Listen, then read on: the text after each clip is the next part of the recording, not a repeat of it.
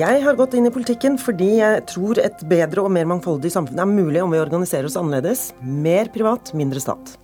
Navn, alder og posisjon? Heidi Nordby Lunde, 44 år, stortingsrepresentant for Oslo. Drømmejobb? Jeg syns det ville vært arrogant å svare noe annet enn det jeg faktisk har nå, da. Vi har kjempet for å komme inn på de plassene som, eh, som vi har, så akkurat nå har jeg drømmejobben um, på ja, nå. Hvilken politiske motstander har du størst respekt for? Det er mange jeg har stor respekt for. Jeg kunne gjerne nevnt flere i SV, men jeg har lyst til å sende en liten eh, hilsen til Marit Nybakk, som nå etter 30 år på Stortinget trekker seg. Hun eh, har gjort en fantastisk jobb som både stortings, eh, stortingsrepresentant og, og, president, men hun er en skikkelig panserfeminist. Og selv om jeg ikke er enig med hvordan med alle sakene, så har jeg stor respekt for den jobben hun har gjort med å fremme kvinners rettigheter både nasjonalt og internasjonalt. Verste medietabbe? Den tilhører vel egentlig NRK, fordi eh, etter at jeg hadde vært i en debatt om bl.a. sexkjøpsloven, hvor jeg sa at jeg ønsker å se på helheten i lovgivningen ved å ikke bare ta vekk sexkjøpsloven, men også å regulere sexkjøp annerledes, så ble det eh, fremstilt på NRK tre dager før valget i 2013 som at eh, Heidi Nordby Lunde vil fjerne hallikparagrafen. Da fikk jeg mobilnummeret til hele partiledelsen før klokka sju om morgenen. Nå svarte du at drømmejobben var å sitte på Stortinget, men her er et gammelt sitat fra deg.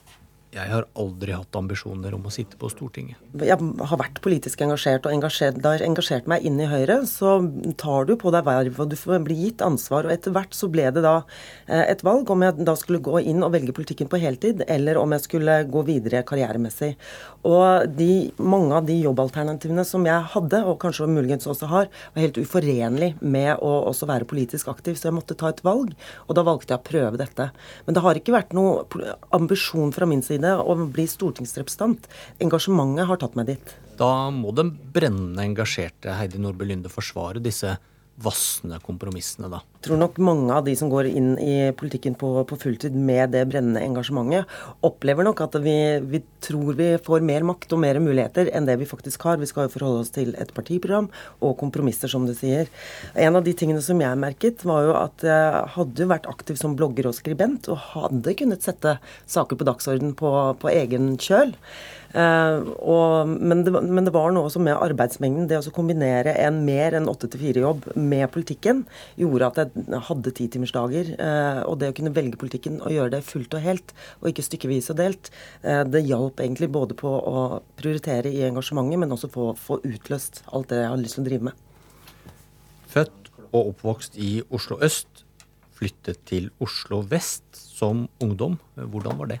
Det var eh, annerledes. Jeg bytta jo fra 8. til 9. klasse, og dette var jo før man hadde 10. klasse. Jeg hadde bare ett år eh, på, på, vestkanten. Men å merke da forskjellen mellom både øst og vest, og fordommene fra begge deler, var, eh, var spennende. Egentlig en fin erfaring når jeg tenker på det, for jeg tror nok at det førte til at jeg tok annerledes skolevalg. Jeg valgte Hartvig Nissen istedenfor f.eks. å gå på Bredtvet videregående. Som, og kom i kontakt med andre miljøer og andre typer mennesker enn meg sjøl. Og det tror jeg nok har bidratt til ja, det å kjenne byen også fra alle kanter. Men også at jeg har tatt andre valg enn det jeg ville gjort dersom vi hadde blitt værende på Veitvet. Og så hørte jeg at på Øraker skole, denne vestkantskolen, så var det ikke noe problem for deg å få på plass i samtalegruppa. ja, spennende. Um, hva du vet. Jeg, jeg, var jo debattglad, eller var samfunnsengasjert også som ung. Uh, og da jeg så at som alternativ valgfag så var det en samtalegruppe, og det tenkte jeg men så perfekt. Da kan jeg gå inn dit og lære kanskje mer om samfunn og debatt osv. Eh, og jeg fikk, eh, fikk, plass der, selv om det var kø inn, fordi det viste seg at dette her var den samtalegruppen de hadde mellom skolen, eh, elever med vanskelig, vanskeligstilt elever, bl.a. de som hadde blitt tatt for å røyke hasj på skolen året før, og, og, da hjelpeapparatet. Og de bare antok at siden jeg kom fra Veitvet og Groruddalen, at jeg antageligvis hadde sosiale problemer og problemer hjemme, så da fikk jeg en plass rett inn i den gruppa. Jeg skjønte jo ingenting. jeg møtte, møtte fordommene eh, fra begge kanter. For det var jo ikke sånn at eh, det var vest som bare hadde fordommer mot eh, øst, men også mine gamle venner fra østkanten som var ekstremt fordomsfulle mot, mot vestkanten. Jeg tror at du lærer å se liksom, gode ting med begge deler, men ja, det var jo helt klart forskjeller. For eh, vi hadde mye lærerstreiker da jeg gikk eh, på, på ungdomsskolen. Og det var på min side, altså på Veitvet skole, så var det fri. Da jeg kom til Øraker skole, da hadde vi foreldre som eh, lærte oss opp. Da kan vi sitte i biblioteket i de store villaene og få opplæring allikevel. Det var ikke helt det jeg var vant til. Hvordan kom du inn i politikken? Ved en tilfeldighet, som sikkert uh, fryktelig mange andre. Jeg hadde en venninne av meg som var uh, kjæreste med en i Fremskrittspartiets Ungdom, og var med på en fest der nede hvor jeg ble sittende og diskutere hele natta. Og i løpet av de diskusjonene så, så fant jeg meg sjøl. Eh, jeg fant ord på ting som jeg sto for, og mente at jeg var opptatt av individ. at jeg var opptatt av enkeltindividets frihet, at vi skulle ha muligheter. Og, og fant et, et miljø og en plattform å stå på. Var, jeg var nok ikke Fremskrittsparti-sympatisør. Jeg var nok heller det at jeg fant en plattform som liberalist, eh, og fant det hos Fremskrittspartiets Ungdom. Eh, hadde jeg møtt en i Unger Høyre? Det, det, vet jeg faktisk ikke. Det kan jeg ikke svare på, men jeg tviler på det. For det var litt sånn kulturelle eh, forskjeller mellom oss også. Og de verste vi visste om i, i Fremskrittspartiets Ungdom, var jo Høyre-folk. Altså sånne strigla, dresskledde boller og brus på Høyres hus. Så vi ønsket oss jo ikke inn i det. Men nå som nå 20-25 år seinere, så er jeg jo veldig komfortabel med å være i, i, Høyre. Selv om jeg også karakteriserer meg fortsatt som liberalist eller liberal-konservativ, litt avhengig av hva du legger i de ulike begrepene. Hva er det med deg som gjør at du ender i sentrum av alle disse betente debattene? Det var vel et tidspunkt på 90-tallet da jeg var på vei ut av politikken som ungdomspolitiker. Jeg gikk jo fra Fremskrittspartiets Ungdom eh, i 94. Hvor jeg tenkte jeg skal jo aldri bli stortingsrepresentant. Jeg skal jo aldri representere noen. Jeg har muligheten til å ta mange av de debattene som mange andre ikke kan eller tør ta. Og Derfor så har jeg gått inn i en del eh, debatter som f.eks. legalisering og, og, annen type regulering av narkotika. Eh, eh, og vi startet også Kvinner for porno. på et eller annet tidspunkt så var det egentlig et statement for ytringsfrihet, og også eh, for at at kvinner måtte få lov til å velge selv. Um, og det har vel vært den ideen at hvis ingen andre tar disse debattene, så syns jeg faktisk at noen skal gi de debattene også en stemme. Uh, og hvis ingen andre kan det, så, så, får det bli meg, da. Så blir jeg ikke partileder, men det er ikke heller det som er min ambisjon. Men noen må også ta de vanskelige debattene. Jeg syns dessverre jeg tar for få, jeg, da. I 1997 røykte du hasj på TV-programmet M på TV 2. Hvorfor det? Tanken bak det var å normalisere eh, hvordan man så på hvem som brukte eh, narkotika, og hvordan dette ble, ble, brukt. Det var jo selvfølgelig en helt feilslått tanke. Eh, det hjalp ikke at de valgte å vise dette programmet på bursdagen til mamma, og jeg ikke hadde sagt fra på forhånd.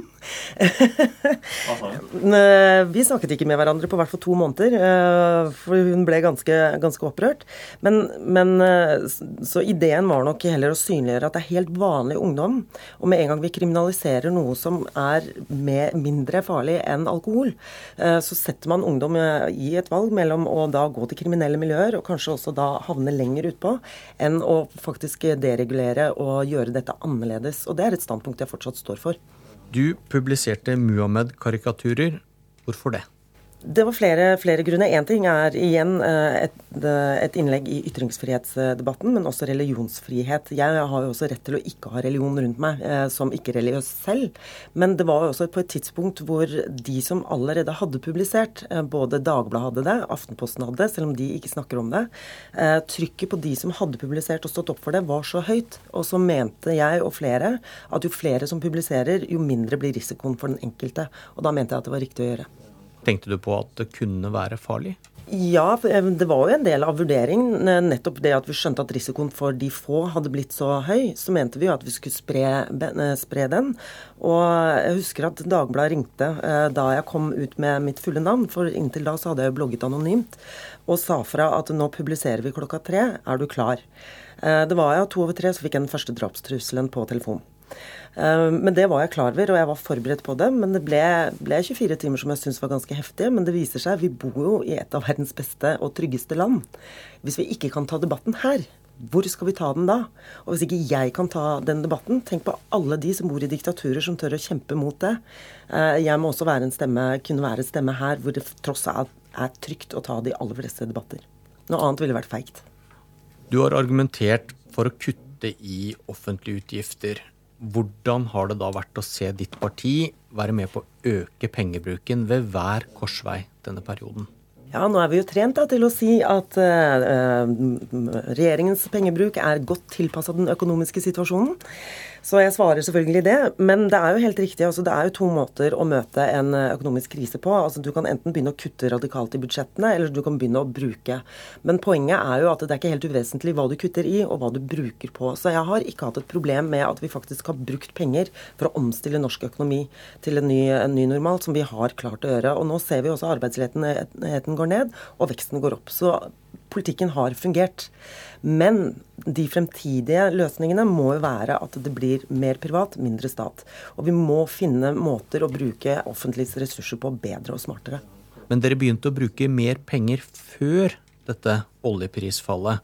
Det er kanskje like mye at det er dyrt å samarbeide med andre partier når flere skal få det de peker på? Det blir dyre forlik. Eh, det er helt riktig. Jeg skulle jo ønske at vi sammen satte oss ned og hadde en seriøs debatt om hvordan vi skal omstille da offentlig sektor til å møte de utfordringene som vi har framover. For det kan ikke bare være sånn at ethvert svar er å bruke mer penger. Da har du jo virkelig ingen ambisjoner om å få offentlig sektor til å bli bedre og smartere. Dere lover gull og grønne skoger til samferdsel og forsvar og mer til. Kutt som du ivrer for, finnes ikke i Høyres vokabular ennå. Mm. Men uh, investering i samferdsel er jo en investering i fremtidige inntekter. fordi altså, Jo mer jeg har reist rundt i landet de siste fire årene som stortingsrepresentant, jo mer jeg har fått forståelse for lokalt næringsliv og deres behov for bl.a. transport. Uh, så der mener jeg at det er, det er, riktig pengebruk. Og så får man jo se da om vi klarer oss å løse dette her på en smartere og billigere måte. For jeg mener jo også at du kan få til mer samferdsel for pengene hvis man organiserer og gjør dette annerledes. Men den store oppgaven vil igjen bli å se på organiseringen av offentlig sektor. Vi må også se på et eller annet tidspunkt på eh, sosiale ytelser, at de er bærekraftige, sånn at også våre barn får eh, den velferden som vi har vært så heldige å nyte, nyte, godt av. Og Der tror jeg det vil være et stort skillelinje i politikken, som ikke er så tydelig enda. Men jeg ser jo at det andre har tenkt å gå til valg på mer skatt. Og det mener jeg er eh, Mer penger er ikke og kan ikke være svaret for framtida. Høyre går til valg på moderate skatteletter. Er du komfortabel med moderate? Ja, og som jeg sier, Høyre går alltid inn for moderate skatteletter som er godt tilpasset eh, økonomien i, i, samfunnet. Vi har gjort en jobb nå. Vi har fått til eh, rundt 22 milliarder i skattelette. Er jeg fornøyd med det? Nei, jeg skulle gjerne sett at vi klarte å fjerne bl.a. formuesskatten helt. Det er helt riktig da å legge oss på et nivå. Nå må vi omstille, begynne å omstille offentlig sektor. Det kommer til å koste penger, det også. For det er ikke bare å kutte. Du må faktisk organisere oss bedre. Og det, eh, alle som har vært med på omstillingsprosesser i store organisasjoner, organisasjonene vet at det ikke er billig. Så jeg mener at det er riktig uh, å moderere skatte, skattelettene, men vi skal fortsatt ha ambisjoner der. Hvis du hadde truffet den unge Nordby Lunde i dag, hadde hun likt din kompromissvilje, tror du? Nei, men det går jo Jeg tror nok at jeg alltid har vært veldig prinsipiell og prinsipielt tenkende, men jeg har alltid hatt forståelsen for at for å, å gå framover, så må man gjøre kompromisser. Mitt poeng er jo at når man skal gjøre de kompromissene, så er det fint å ikke starte med et kompromiss, men gå tilbake til prinsippet og se på hva er det vi faktisk forsøker å oppnå, og er dette den beste løsningen? Fordi da får du eh, Jeg syns at man får en bredere eh, valgmuligheter til å velge hvilke løsninger man skal gå inn på. Um, så, så, jeg tror også den unge Heidi ville, ville anerkjent anerkjent, anerkjent, det. Men poenget er at det er ofte jeg som går fremst når vi skal ta de prinsipielle debattene. Og så tror folk at jeg ikke da har evnen til å kompromisse. Men gi meg en anledning, så skal jeg vise det. Men det er ikke alltid jeg er villig til å kompromisse på. Har du fiender i Høyre pga. dette her? Nei, vi Høyre, nei, jeg har ikke inntrykk av det. Altså. Jeg har inntrykk av Høyre som både et mangfoldig og inkluderende parti. Og jeg sitter jo tross alt som stortingsrepresentant for Oslo Høyre, så eh, jeg kan ikke ha så mange mot meg. Så var det slagordkonkurransen. Og hva endte du opp med? Ja, der har jeg litt dårlig samvittighet, for jeg spurte jo da mine par tusen venner på Facebook om de kunne bidra, og det ble litt sånn frekk og freidig, stem Heidi og bedre, eh, gode ideer og bedre koffefi, eh, som jeg syntes var morsomme. Men jeg endte faktisk opp eh, til et godt klassisk gammelt Høyre-slagord som 'mer igjen for pengene'. Fordi jeg mener at vi kan organisere både samfunnet og offentlig sektor annerledes, og at vi må ha et fokus på at vi bruker folks penger riktig. At vi ikke som politikere ikke sitter og bare bevilger til ting som vi syns er hyggelig sjøl. Og det må vi bli flinkere til. Der må Høyre også være tydeligere i debatter. Og så kan vi overlate pengebruken til de som ønsker å ilegge mer skatter og avgifter.